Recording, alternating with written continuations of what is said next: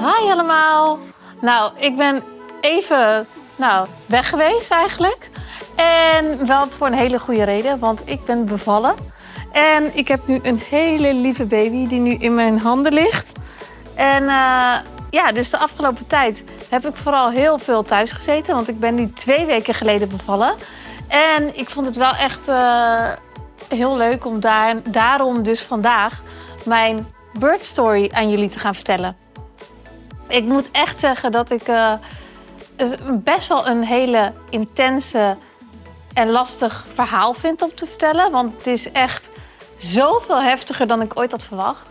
En eigenlijk wil ik deze aflevering vooral beginnen met dat ik echt zoveel respect heb voor alle vrouwen die zijn bevallen. Voordat ik hieraan begon en voordat ik zwanger werd, toen dacht ik altijd best wel makkelijk over bevallen. Ik dacht, ach, elke vrouw kan toch bevallen en dat doe je wel even. En uh, ja, ik dacht, als, als, weet je wel, als iedereen, als elke vrouw het kan, dan kan ik het ook. En nou, ik was er echt heel nuchter in. Maar ik moet echt zeggen dat ik het echt het meest intense vind dat ik ooit heb meegemaakt. En dat het, je doet het ook wel, maar je doet het echt niet zomaar. Dus daarin ben ik wel echt ontzettend veranderd. En eerst had ik ook echt altijd, als ik dan bevallingsverhalen van anderen hoorde, dat ik altijd een beetje dacht van ja, ja, het is heftig, maar het zal allemaal wel. En nu vind ik het dus reuze interessant om de bevallingsverhalen van anderen te horen. Omdat je gewoon ook weet hoe het is. Je herkent jezelf er iets meer in en je weet er meer van af en je weet de termen. En uh, dus ik vind het nu ook veel leuker om van anderen te horen hoe, het is, hoe hun bevalling is geweest. En daarom ga ik mijn bevallingsverhaal vertellen. Ik heb al een beetje op uh, Instagram laten weten dat ik best wel een, een uh, heftige bevalling heb gehad. En ik moet ook zeggen dat uh, het herstel ervan is me echt heel erg tegengevallen. Het is nu twee weken geleden en eigenlijk ben ik, no ja, ik ben nog niet langer dan vijf minuten buiten wezen wandelen. Dus het is ook wel echt dat ik. Uh, ja, ik vind het echt zwaar tegenvallen hoe weinig je eigenlijk kan doen als je net bent bevallen, in mijn geval. Maar goed, dat is natuurlijk even hoe het nu is. En ik vind het leuk om jullie helemaal vanaf het begin mee te nemen hoe het is gegaan. Um, de laatste weken van mijn zwangerschap, dan eigenlijk vanaf week 37, dan zeggen ze al een beetje van, nou ja, het kan elk moment komen. Dus ik vond dat altijd wel, ik vond die laatste weken vond ik wel echt een hele spannende tijd. Omdat je gewoon elke dag denkt, oh, het zou wel eens kunnen gebeuren. Dus um, ja, ik, je leeft gewoon best wel in. Je plant niet echt dingen. En uh, je bent heel veel om het huis heen. Omdat je natuurlijk. Ik dacht niet, oh, ik ga nog even ver weg. Omdat ik veel te bang was dat ik dan daar zou gaan bevallen. Dus eigenlijk had ik best wel een beetje een rustig leventje. Wat op zich best wel lekker was, want je kan ook gewoon niet heel veel. Dus ik, uh, ja, ik voelde me ook echt helemaal ontploft. En ik werd steeds groter en groter. En uh, dus ik vond het ook wel lekker om gewoon veel thuis te zijn. Dus, uh, nou ja, toen naderden we eigenlijk de uitgerekende datum. En dat was dus 28 augustus. En op 27 augustus dacht ik echt, dat was op een zondagavond. Toen dacht ik, nou, het kan nog wel eens even gaan duren. En ik heb niet het gevoel dat we kunnen, snel kunnen gaan bevallen. En uh, Ismaël zei, zelfs van... Uh, ja, ik heb echt nog wel een paar dagen nodig hoor. Want ik ben er nog helemaal niet klaar voor. En, uh, dus het is goed als ze nog een paar dagen blijft zitten. En ik dacht het zelf ook. Dus ik dacht zelf ook van... nou ja, ik zou het ook wel prima vinden als het nog even een weekje blijft zitten. Dus als het tot week 41 blijft zitten... dan zou ik het helemaal goed, goed vinden. En zondag hebben we hier nog... kwam Anne hier thuis om even voor mij te koken. Want ik had dus heel veel zin in lasagne. En die heeft dus heel lief hier thuis nog uh, lasagne staan maken. En ik had dus op die zondagavond, dus de 27e, en ik was de 28e uitgerekend. Toen voelde ik eigenlijk nog helemaal niks. Dus uh, daarna lagen we hier op deze bank lekker een filmpje te kijken. En toen was het denk ik 11 uur. En toen ontving ik een appje van mijn nichtje, Manon. En die zei tegen mij, die is, die is een beetje soort van helderziend. Dus ze heeft echt best wel vaak dat ze dingen, dat ze gelijk heeft over dingen die gaan gebeuren, omdat ze dat voelt of zo. Echt heel raar. Maar zij had dus mij geappt en ze zei: weet je, het zal me niks verbazen als, je nu, als het nu bij je aan het rommelen is en dat het vannacht geboren gaat worden op de uitgerekende datum. Nou, en het was zondagavond, de 27e om 11 uur s avonds. En ik voelde dus echt nog niks. En toen zei, uh, dus toen zei ik het tegen Ismael. Toen zei ik, nee, ik denk het niet, want je voelt nog niks. En uh, dus nee, deze keer heeft ze geen gelijk. Nou, dus toen, rond een uurtje of half twaalf, toen gingen we dus uh, in bed liggen. En opeens voelde ik wel wat. En toen dacht ik, hè, zal dit het zijn? Maar je hebt nog nooit een wee gehad. Dus hoe weet je nou hoe een wee voelt? Ik wist dat dus echt niet. En ik had dus wel van de verloskundige gehoord, want dit was een vraag die ik sowieso al wel had. En de verloskundige die zei: Nou, als je een wee voelt, dan weet je dat het een wee is. Ik voelde dus echt totaal niet dat het een wee was. Dus ik zou tegen Ismaël, ik zou ja, ik heb echt het gevoel dat, ik, dat het wel eens weeën kunnen zijn, maar ik weet het dus niet zeker. Dus ik heb echt volgens mij een uur lang zitten googelen hoe voelen weeën. Maar ja, op elke website krijg je natuurlijk weer een ander verhaal hoe weeën voelen. Dus uh, nou, ik wist het gewoon nog steeds niet zeker. En ik dacht, moet ik nou gaan slapen? Moet ik nou niet gaan slapen? Ik weet het niet. En toen was het echt dus, denk 12 uur s'nachts, de 28ste. En toen begon het wel een beetje te dagen bij me. Toen dacht ik dus van, nou, dit zou het wel eens kunnen zijn. Dus ik kreeg als tip, want je, je hebt ook voorweeën. Dus ik dacht eerst, of het zijn voor, gewoon voorweeën. Dus dat betekent helemaal niet dat je gaat bevallen. Maar dat kan gewoon random, een week bijvoorbeeld van tevoren, kan je voorweeën krijgen. En dan, um, dan dat trekt gewoon weer weg. En dat betekent dus helemaal niet dat je gaat bevallen. Dus ik dacht, nou, misschien zijn het wel die voorweeën. En de, de tip schijnt dus te zijn, als je denkt dat het voorweeën zijn, dat je dus onder de douche moet gaan staan. En als dan de weeën, de voorweeën wegtrekken, dan weet je dat het voorweeën zijn. Dus uh, ik onder de douche staan. Maar het ging echt niet weg. Dus ik nog een keer in bed liggen. En Ismael die lag al half te slapen. Dus ik zei, Ismael, ik denk wel echt dat het weeën zijn. Maar ik weet het nog steeds niet zeker. Dus hij zei, oké, nou ja, als het echt weeën zijn, dan maak je me maar wakker. Dus ik dacht, ja, ik vind het echt zo overdreven om hem te gaan wakker maken als het niet echt weeën zijn. Dus ik wacht het nog wel even af. Maar ik was eigenlijk ook veel te opgetogen ook om te gaan slapen. Want als je denkt dat je weeën hebt, dan kan je dus... Ik kon dan niet, uh, niet weer slapen. Dus ik had echt dat ik klaar wakker was.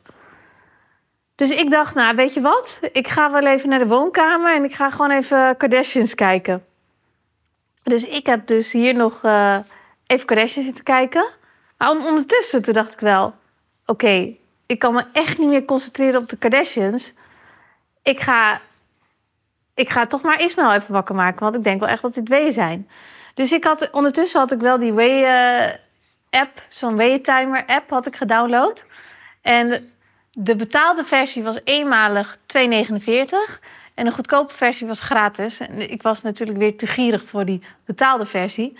Dus ik had die goedkope gratis versie gedownload. En uh, dus ik dacht, nou, ik ga toch maar eens even timen die weeën. Dus ik die weeën timen. Kreeg ik ondertussen dus, terwijl ik een wee had, de hele tijd reclame van allemaal dingen. Dus nou, ik kon mijn telefoon wel uit het raam smijten. Maar ik had dus wel al een beetje een aantal weeën getimed van hoeveel tijd er dan tussen zat. Volgens mij begon het eerst met 20 na 10 minuten of 15 minuten of zo wat er tussen zat. En dat werd steeds korter. Dus dat had ik al gedaan. En toen dacht ik, nou, ik ga nu Ismael eens maar, maar eens wakker maken. Dus ik tegen Ismael, je moet nu je wet uitkomen. Ik denk echt dat ik echt weeën heb. En uh, hij zei, wow, waarom had je dat niet eerder gezegd dat je echt dacht dat je weeën had?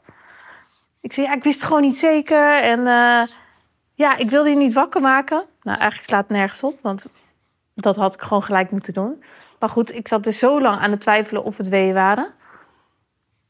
Dus toen zeiden we, nou ja, en wat nu dan? Want ze zeggen vaak van dat je pas de verloskundige moet bellen als je om de acht minuten of zo. Nou, ik weet het in ieder geval niet heel goed meer. Dus het kan zijn dat ik niet goed zeg hoor. Maar om de aantal minuten kort op elkaar, een half uur lang bijvoorbeeld, die weeën hebt. En ik dacht echt, dit kan toch niet dat we dan pas de verloskundige bellen?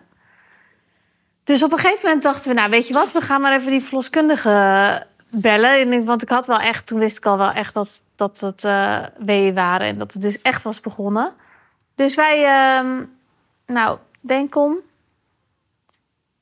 twee uur s'nachts of zo, verloskundige gebeld. En die zei, nou, wacht nog maar heel even thuis. En je, moet echt om de zoveel minuten moet je zo lang weeën hebben. Dus dat, hadden we nog niet. Dus je moet echt wachten tot je dat hebt. Ik dacht echt, hoe de fuck ga ik hier thuis wachten? Want het is toch echt verschrikkelijk om hier thuis met weeën te wachten. En uh, toen zeiden ze, ja, of als je vliezen zijn gebroken, dan mag je terugbellen. Dus ik dacht, oké, nou ik hoorde echt van heel veel mensen dat je je vliezen überhaupt niet breekt. Niet breken, dus dat dat pas later gebeurt in het ziekenhuis of zo. Dus ik dacht, nou, dit gaat nog echt lang duren. Dus wij telefoon opgehangen. Ik wilde naar de keuken lopen om een glaasje water te halen. En ja hoor, mijn vliezen breken en echt een hele plas water over de grond in de keuken gewoon. En toen dacht ik, toen had ik eigenlijk pas echt het besef van, oké, nu gaat het echt beginnen.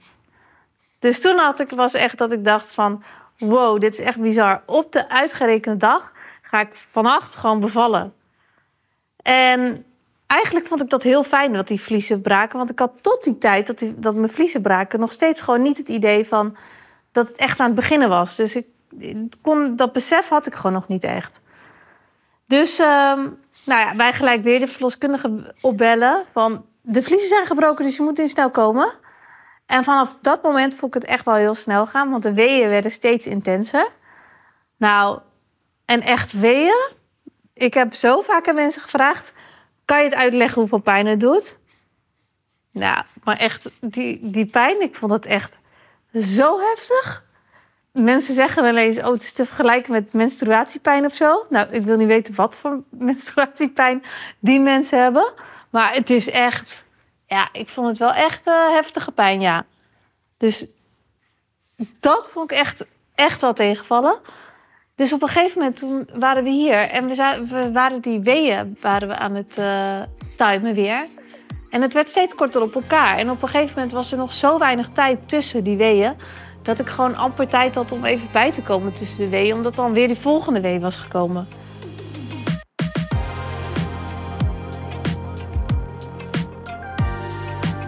Dus de verloskundige kwam en die ging dus checken hoeveel uh, ontsluiting ik had.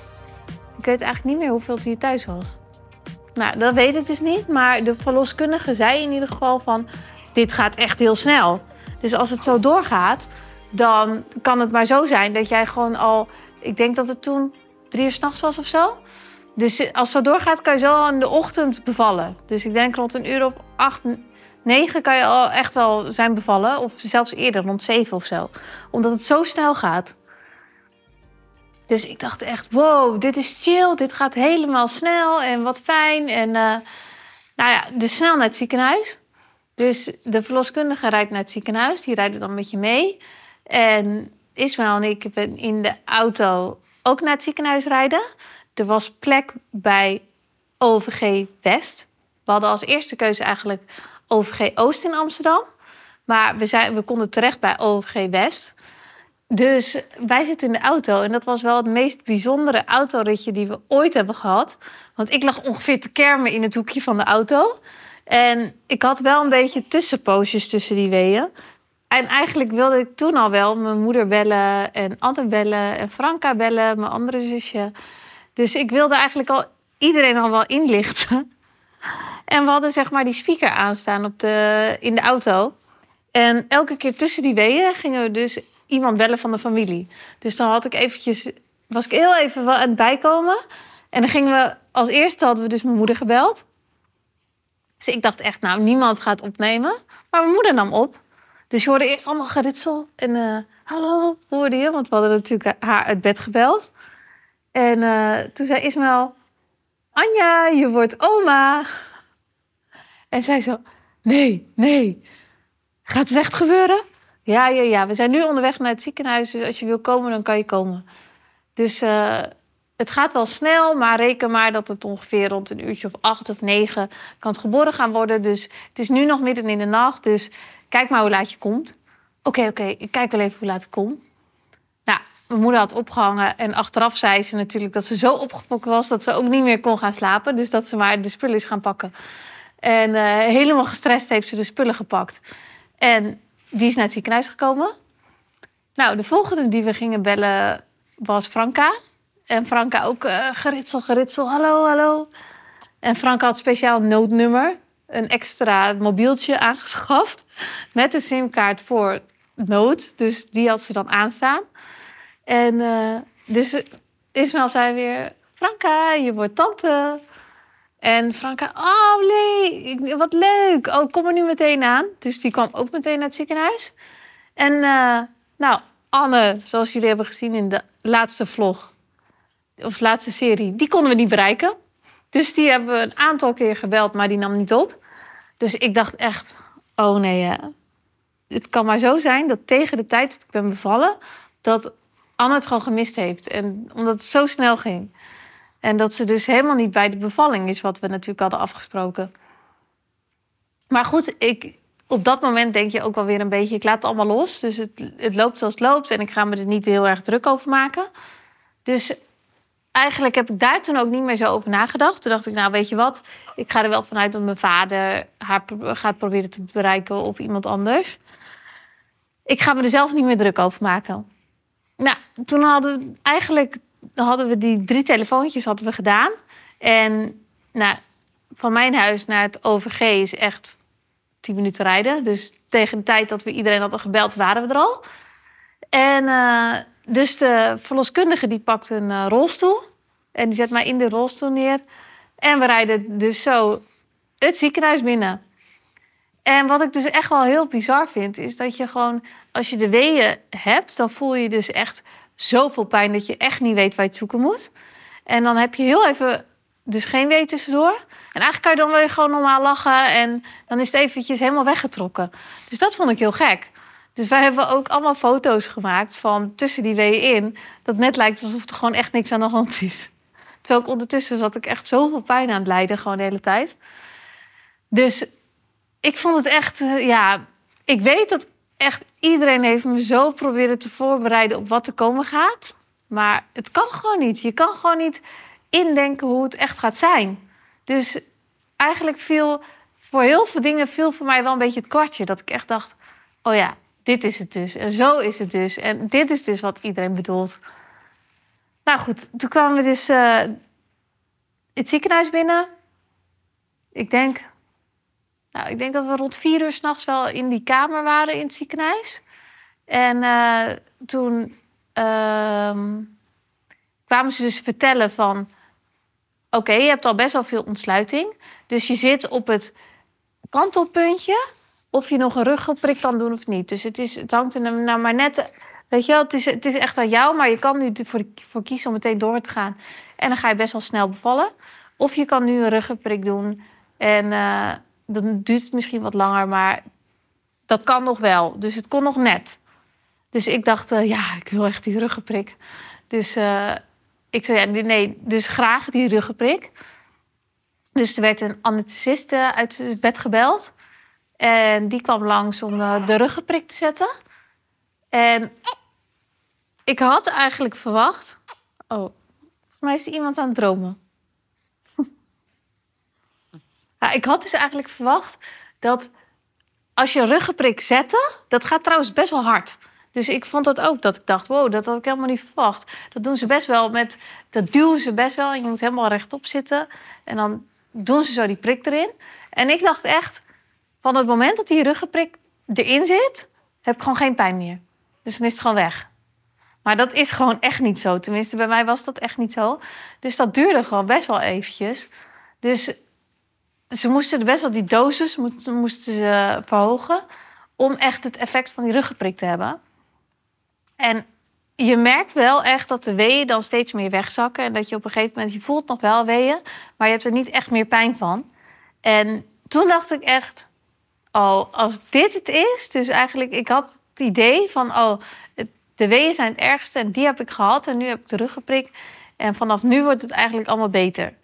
Dus ik dacht van, nou ja, eigenlijk denk ik wel dat ik. Kijk, als dit de, bevalling is, dan is het nog oké. Dus dan heb ik wel veel pijn gehad.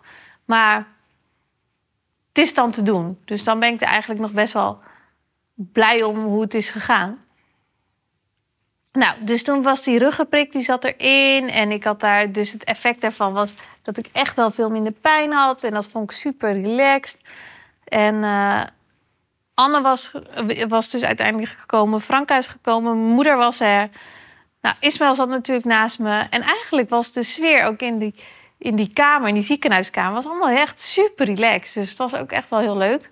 Ismael ging nog even een uh, zijn bami-soepje eten uit, het, uit de vluchtkoffer die we hadden. Trouwens, met die vluchtkoffer, ik heb echt niks gebruikt van wat erin zat, omdat ik gewoon geen honger, honger had. Het eten is wel allemaal opgegaan, maar dat is allemaal opgegaan door mijn familie. Dus uiteindelijk goed dat ik het bij me had, maar ik heb zelf niks gegeten. Maar, uh, nou, dus eigenlijk was het, was het die, die hele ochtend in het ziekenhuis was echt wel leuk en relaxed. We hadden nog wel een wisseling van personeel van het ziekenhuis. En het is echt heel gek, maar als je dus aankomt in het ziekenhuis en je hebt bepaalde verloskundigen en artsen in je kamer, dan ben je gelijk heel erg gehecht aan die verloskundigen. Dus als ze gaan wisselen, dan denk je echt: oh nee, uh, straks dan krijg ik nu geen goede en ik wil niet dat ze naar huis gaan. Ze moeten blijven. Dat dacht ik heel erg.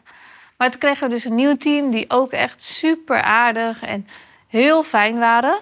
En ze vertellen helemaal alles wat er gaat gebeuren. En nou ja, ik weet niet. Ik dacht echt wel van, oh, ik kan dit en dit is, gaat helemaal goed. En nou ja, eigenlijk vond ik het tot die tijd, vond ik het, tot de, het moment kwam dat we konden gaan persen, vond ik het eigenlijk best wel heel relaxed allemaal.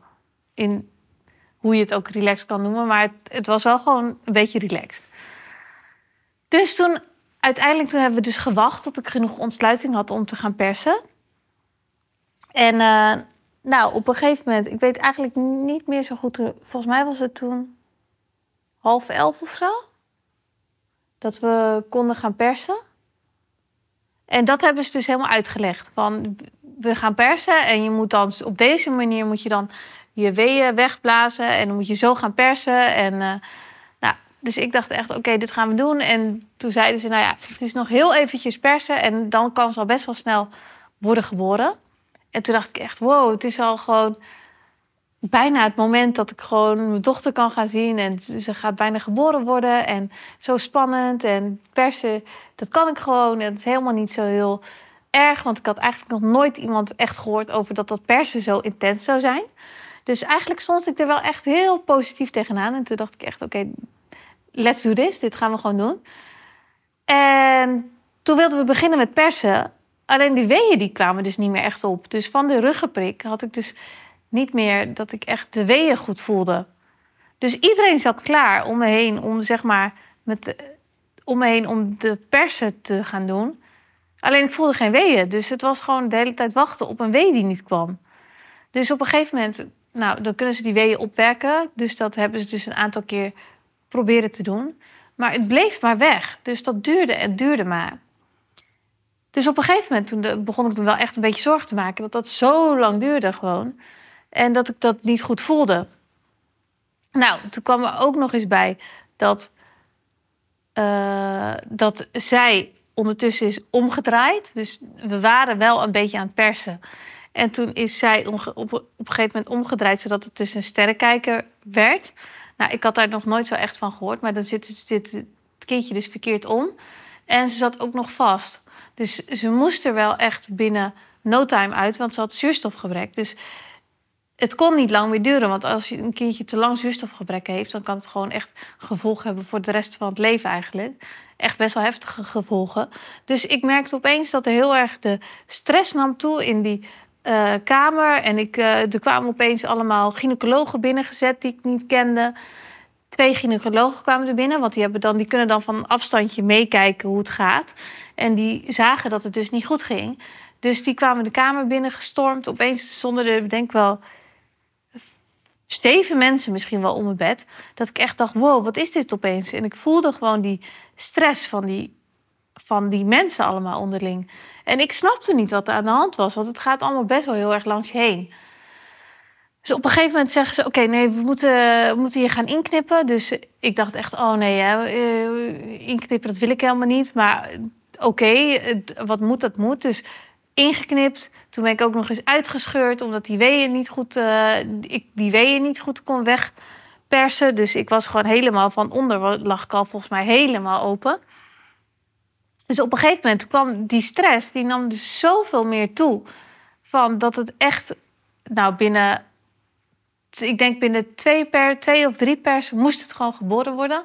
Want anders dan had het echt te lang zuurstofgebrek of uh, het stressgehalte van de baby ging zo omhoog dat dat niet lang meer kon duren. Dus ik vind wel dat ze dus in het ziekenhuis zijn ze dan super duidelijk. Dus dan zeggen ze echt: Esther, je moet nu zo en zo gaan, gaan persen. Je moet het echt, echt keihard gaan doen. Je hebt geen, geen herkansing, is, is meer mogelijk. Het moet gewoon goed gaan.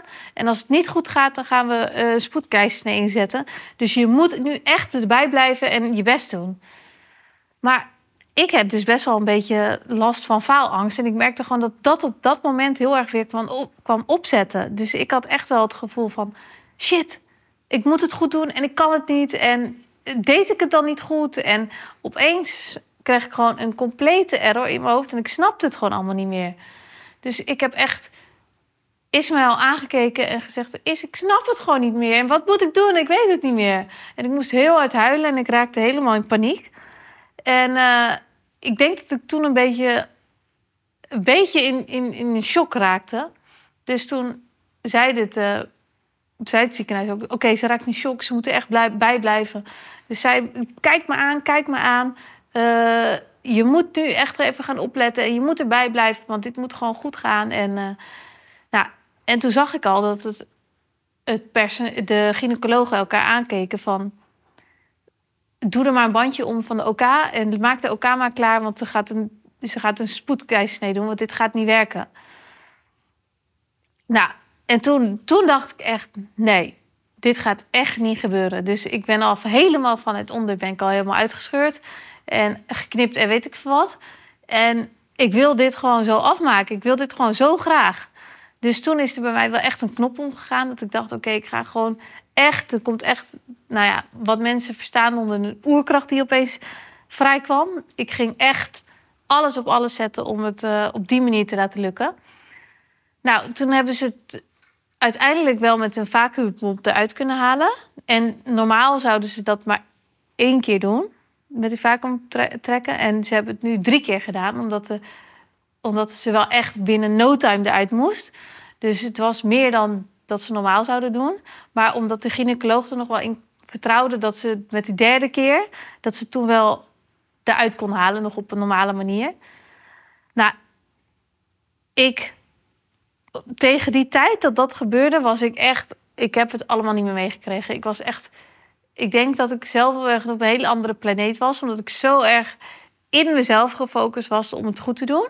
En dat ik eigenlijk ook helemaal niet voelde dat zij met haar hoofdje eruit kwam. Dus eigenlijk door de reactie van de mensen die om me heen stonden, merkte ik pas dat ze eruit was. Dus ik voelde dat zelf gewoon helemaal niet meer. Omdat ik gewoon zo ermee bezig was van dit moet nu lukken. En ze moet echt nu eruit. Dus ik dacht echt, het maakt me niet uit hoe. En ik zie het wel of ze eruit, eh, weet je wel. Ik, ik was gewoon meer bezig met het pers om, haar eruit te krijgen... dan dat ik echt het gevoel had van, ze is eruit. Nou, dus op een gegeven moment toen merkte ik aan de mensen omheen van wow, wow, wow, ja, ze is eruit. Dus toen werd ze op me gelegd en haar navelstreng was heel, heel kort. Dus ze werd best wel laag, werd zij op me gelegd. En echt wel heel lang in het begin heeft ze dus geen kick gegeven, niet geld, niks. Dus ik dacht echt, hè? er wordt echt zo'n stille grijze baby op je neergelegd. Ik dacht, dit is niet goed. Dus ik om me heen vragen: is het wel goed en klopt het wel? Ze huilt niet en dit, dit kan niet. Nou, en niemand zei ook wat. Dus ik, ik vond dat de meest lange minuten uit mijn leven ongeveer. Dus op een gegeven moment begon ze wel te huilen. En dan is het echt zo'n opluchting als een kindje dan begint te huilen. Ik denk dat dat de enige keer is dat ik echt opgelucht was dat ze begint te huilen. Nu vind ik het niet meer zo leuk. Nee. Maar toen was ik wel echt uh, heel blij dat ze, dat ze toen begon te huilen. En dat ik toen wist van, oké, het is goed. Dus ik had wel dat op het moment dat zij op me werd gelegd, je hoort van heel veel vrouwen van, dan heb je, voel je echt uh, overdonderd met liefde en dat je gelijk al zo'n band hebt met zo'n kindje. En dat was bij mij wel echt een stuk minder, want ik zat nog zo erg in die paniek van dat het niet goed ging, dat ik me er niet op, dat ik me daar niet echt op kon uh, focussen of zo, of dat ik dat gevoel niet, niet echt had. Dus ik vond het wel heel bijzonder dat toen ze net bij mij werd neergelegd, toen keek ze me voor mijn gevoel de hele tijd aan. Dus ze had de oogjes open en toen hadden we de hele tijd oogcontact. Ik denk niet dat ze mij kon, kon zien, maar ik kon haar in ieder geval in de oogjes aankijken. En toen dacht ik wel echt, wow, dit is gewoon mijn dochter. Dit is zo raar. Nou, toen ging uh, Ismael natuurlijk de navelstreng doorknippen. En vanuit daar ging het ook, is alles zo in een waas aan me voorbij gegaan. Want dan ben je dus net bevallen. En ik moest net, ik was natuurlijk van onder, was ik helemaal doorgescheurd en geknipt. En toen moest ik uh, gehecht worden. Dus, en ik vond dat vond ik echt heel vervelend en heel lang duren. Want je hebt er gewoon geen zin in.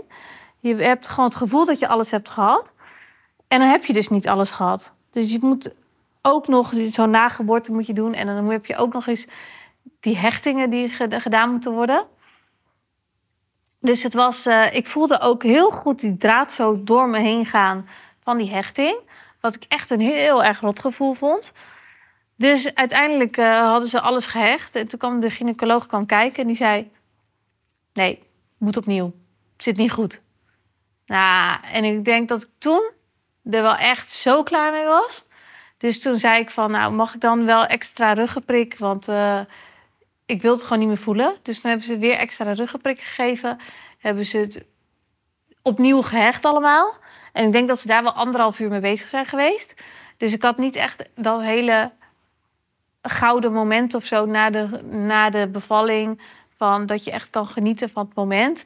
Omdat je gelijk weer door moet met al die dingen. Wat ik uiteindelijk echt heel vervelend vond.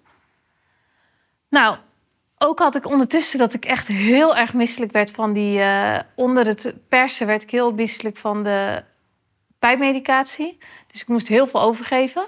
Dus ik heb echt in het gezicht van iedereen ongeveer zitten overgeven. Wat echt, eh, ja, je voelt je gewoon echt verschrikkelijk. Dus ik had echt, nou, ik kreeg allemaal van die papieren bakjes waar je dan in kan overgeven, die heel ondiep waren, wat super onhandig was. Waarin ik maar bleef overgeven. En op een gegeven moment had ik gewoon niks meer over te geven. En dan ga je de schal overgeven. Nou, en ik vind dat wel echt het meest kuttige gevoel wat je kan hebben. Dus, nou, dat kwam er ook nog eens bij. Dus ik voelde me gewoon echt zo rottig. Dus ik had ook nog na, na de bevalling dat ik toen ook nog bleef overgeven. Dus zelfs dan moet je zeg maar je kindje voor het eerst borstvoeding geven. Dat had ik gedaan en ondertussen was ik aan het overgeven. Dus ik heb eigenlijk die hele, eigenlijk na, vanaf het moment dat, je, dat ging persen tot eigenlijk het moment dat we weg konden, heb ik gewoon niet meegemaakt als fijn. Dus ik vond het echt, ja, ik weet niet, ik, ik heb er best wel lang over gedaan om daar een beetje overheen te komen, omdat het gewoon meer nachtmerrie was dan dat ik het echt fijn vond. Echt, ik vond, uh, nou, ik hoorde wel van sommige mensen dat bevallen magisch kan zijn. En ik had echt het tegenovergestelde. Dus ik had echt dat ik dacht: eh, hoe kunnen mensen in godsnaam zeggen dat bevallen magisch is? Ik vind het gewoon verschrikkelijk. Dus uh, nou, op, een op een gegeven moment was denk ik, uh, zij is om half twee geboren. En om, denk om zeven uur of zo, toen lagen we, lagen we eindelijk samen in het ziekenhuis, Ismael en ik, dat alles een beetje gedaan was. En toen kon ik heel even gaan slapen. Dus ben ik een uurtje gaan slapen in het ziekenhuis. En toen werd ik wakker. En nou, dan moet je gaan douchen en proberen te plassen. En dan mag je naar huis. Dus wij naar huis. En uh, nou, dat is sowieso echt super raar. Want we, dan, ik ging zeg maar in, een, uh, in zo'n rolstoeltje met haar op mijn schoot in een maxicosi. Word je dan zo'n... Ja, duwde is naar, naar buiten. En ik dacht echt, wow, nu nemen we gewoon een kind mee naar huis. Het is echt zo van, oké, jullie mogen gaan. Hier, eh, ga maar weg met de baby. En ik dacht echt, ik weet niet eens wat ik moet doen vannacht. Of weet je, hoe werkt dit? Ik, eh, ik had gewoon geen idee.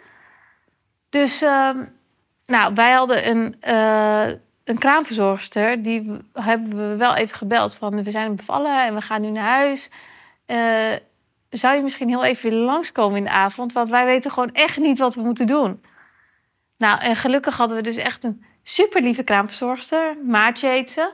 En die zei: Nee, is goed, ik kom wel, ik kom wel bij je langs. En dan, gaan we wel, dan ga ik jullie even vertellen wat je dan de nacht moet doen. Dus dan, en dan ben ik de volgende ochtend weer, maar dan weet je in ieder geval wat je in de nacht moet doen. Dus dat vond ik echt super fijn. Want ik dacht, ja, ik heb gewoon geen idee wat ik moet gaan doen. Want ja, je weet het gewoon echt niet. Dus, ehm, nou, en mijn moeder ging, hebben we ook nog even gebeld. En die is ook nog naar ons huis gekomen. Dus die is bij, bij ons geslapen ook, wat ook heel fijn was. En, nou, toen had, mijn moeder stamp, en dijf meegenomen. Dus toen heb ik een paar happen stampeltrouw en dijf in bed gegeten. En toen ik in bed lag, toen had ik echt zoveel buikpijn de hele tijd. Dus ik kon heel moeilijk uh, liggen en zitten kon eigenlijk niet. En nou, ik had gewoon echt, ik voelde me echt overreden gewoon. Overreden door een vrachtwagen. Dus op een gegeven moment zegt die kraamverzorgster, die zegt... je hebt echt wel veel buikpijn, hè? Ik zo, ja, ja. Vooral hier in mijn, in mijn onderbuik een beetje. En uh, nou, ik weet niet, uh, ik weet niet wat er aan de hand is. Zei ze, nou, dit zit niet goed. Dus ik heb echt het gevoel dat er iets aan de hand is. Dus ik dacht echt, ach, nee hè. Je wil gewoon niet dat er nog iets aan de hand is. Dus zij de verloskundige gebeld. Die zei, ja, we gaan toch even het ziekenhuis bellen, want dat klinkt niet helemaal goed. Dus zij het ziekenhuis gebeld en het ziekenhuis zei, ja, je moet nu wel meteen terugkomen. Want waarschijnlijk uh, door de ruggenprik heb je dus zeg maar geen eh, signaal meer dat je naar de wc moet. Dus je voelt gewoon niet dat je naar de wc moet. Er zit er gewoon nog heel veel urine vast, denken we. En dan krijg je daar buikpijn van, omdat er gewoon nog heel veel vast zit. Dus um, nou, ik tegen het ziekenhuis zeggen: nee, het gaat wel. En ik denk dat het wel meevalt. En anders komen we morgen. Zeiden ze: nou, echt, je gaat zoveel buikpijn vannacht krijgen als je niet dit gaat oplossen. Dus de kans is echt groot dat je echt een verschrikkelijke nacht tegemoet gaat. Nou, toen dacht ik wel echt: oh nee, hè.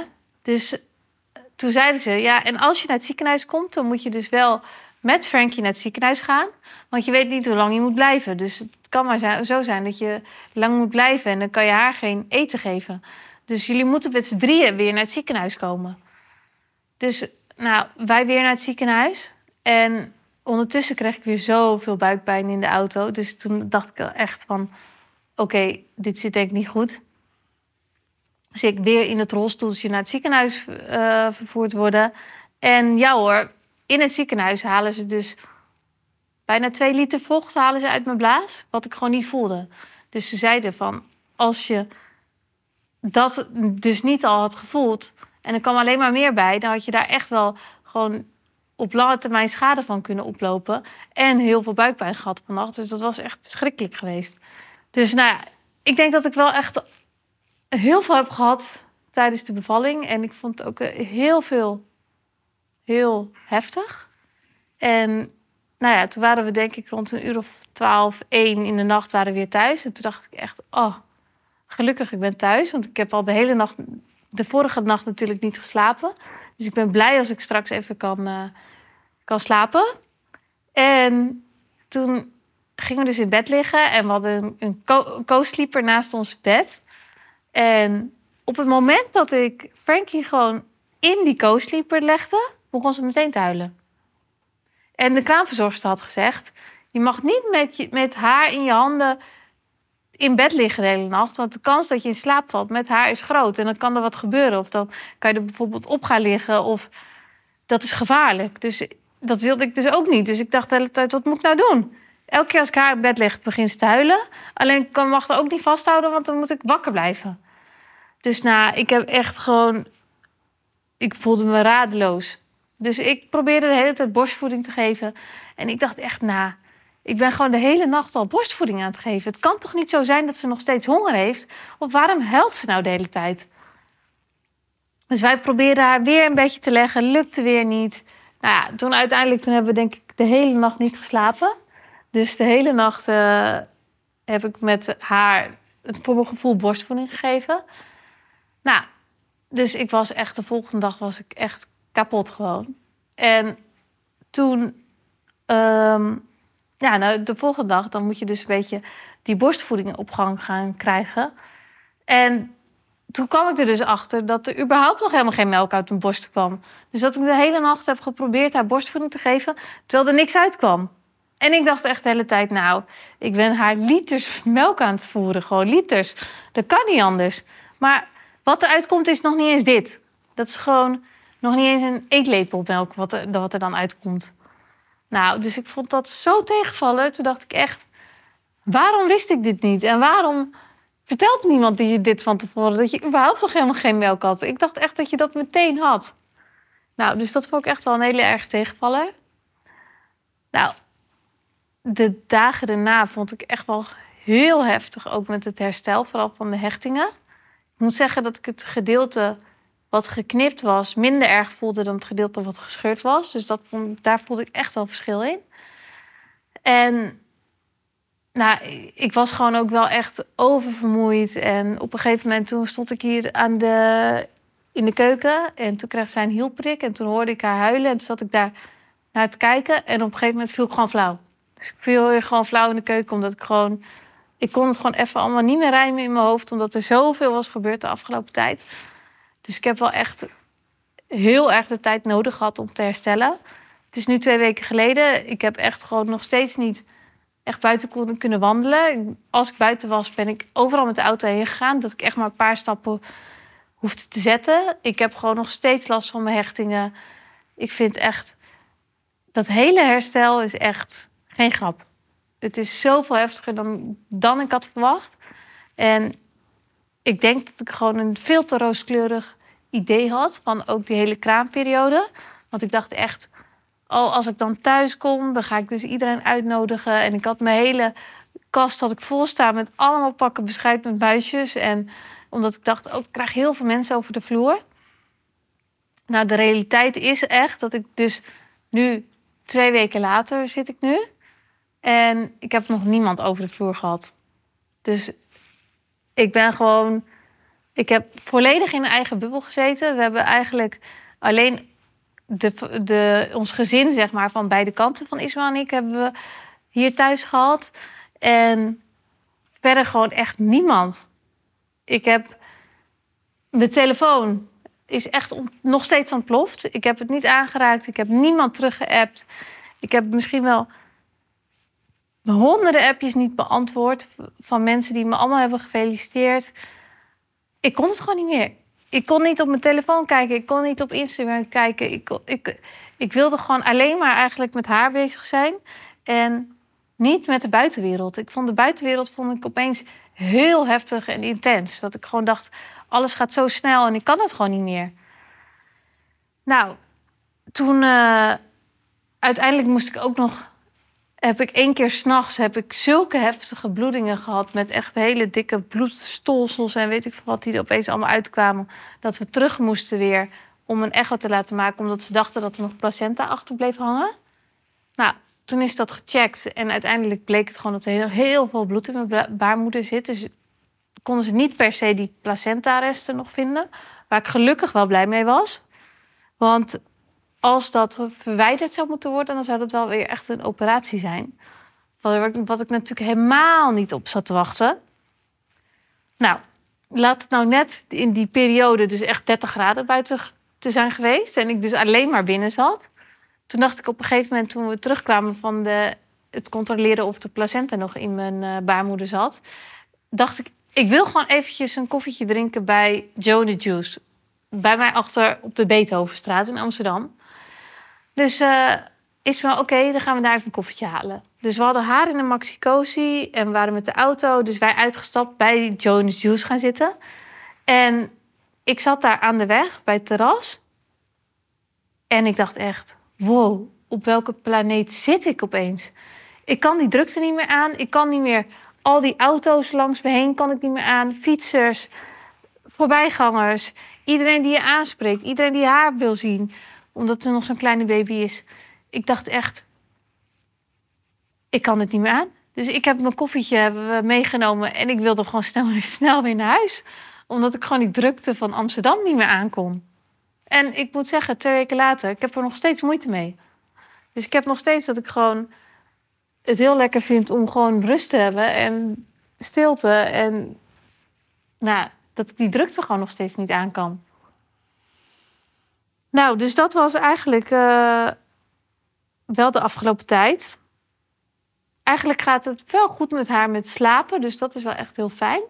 Dus uh, ze wordt echt uh, nu, denk om de drie, vier uur wakker. Wat ik op zich wel echt, daar ben je gewoon hartstikke blij mee.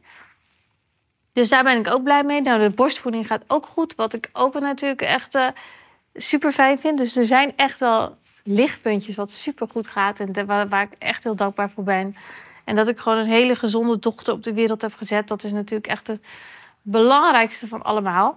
En het grootste geluk wat je eigenlijk maar kan meemaken. En dat ik de afgelopen dagen ben ik er eigenlijk pas echt achter gekomen hoe bijzonder het is om moeder te zijn.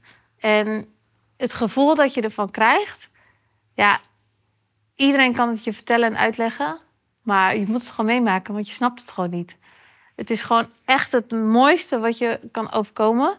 En alles wat ik heb gedaan op het gebied van werk, vakanties, nou noem maar op, is niks vergeleken met dit. Dus het is wel echt het mooiste wat ik ooit heb meegemaakt. En ik vond de bevalling vond ik vrij heftig. En ik weet zeker dat er nog veel meer vrouwen zijn die dit ook hebben meegemaakt. Dus mocht je ook zoiets hebben meegemaakt, ik vind, ik vind het alleen maar heel mooi om ook dat soort die, die verhalen te horen. Want het is echt wel, het kan heel traumatisch zijn. Dus laat het ook vooral aan me weten. Want ik, ik, ja, nu kijk ik echt heel anders tegen dat soort verhalen aan. En ik hoop gewoon dat als ik straks weer helemaal hersteld ben, dat ik dat allemaal weer ben vergeten. En dat ik alleen nog maar kan genieten van haar. Wat ik wel zeker weet wat gaat gebeuren. Maar nu zit ik er gewoon nog wel even iets te diep in om er nog op die manier naar te kijken. Ik heb gewoon nog iets te veel last van die hechtingen. En dat je je gewoon niet lekker in je vel voelt. Dus ik hoop dat dat snel wegtrekt. En ja, voor de rest ben ik natuurlijk gewoon heel dankbaar wat me de afgelopen tijd is overkomen.